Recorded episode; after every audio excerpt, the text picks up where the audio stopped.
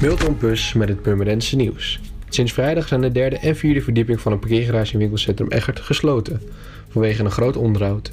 De parkeergarage heeft diverse reparaties nodig, zo bleek uit een reguliere controle. Het is nog onduidelijk hoe lang de werkzaamheden gaan duren. Door de tijdelijke sluiting van de verdiepingen zijn er 180 parkeerplaatsen minder in de garage. Daarmee wordt het steeds lastiger om in de binnenstad te parkeren. Vorige maand vervielen al alle parkeerplaatsen bij parkeergarage Zijp, maar wordt gewerkt aan de ontwikkeling van twee grote nieuwbouwflats. Ook aan de Branksoever zijn grotendeels afgesloten wegens de komst van nieuwe woningen. Op zaterdagmiddag om 6 kwart over twee vond er op de Waterlandlaan een ongeval plaats. De hoogte van het Rode Kruis botste een motor met hoge snelheid achterop een auto.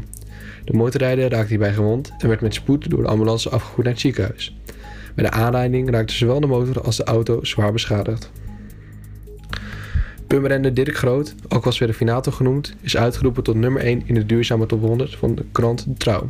De jury roemt zijn zogenaamde wetenschappelijke analyses. Sinds 2014 legt Groot namelijk al het afval wat hij vindt vast in een app. Op deze manier maakt hij een landkaart met alle frietbakjes, flesjes en blikjes die hij vindt op straat.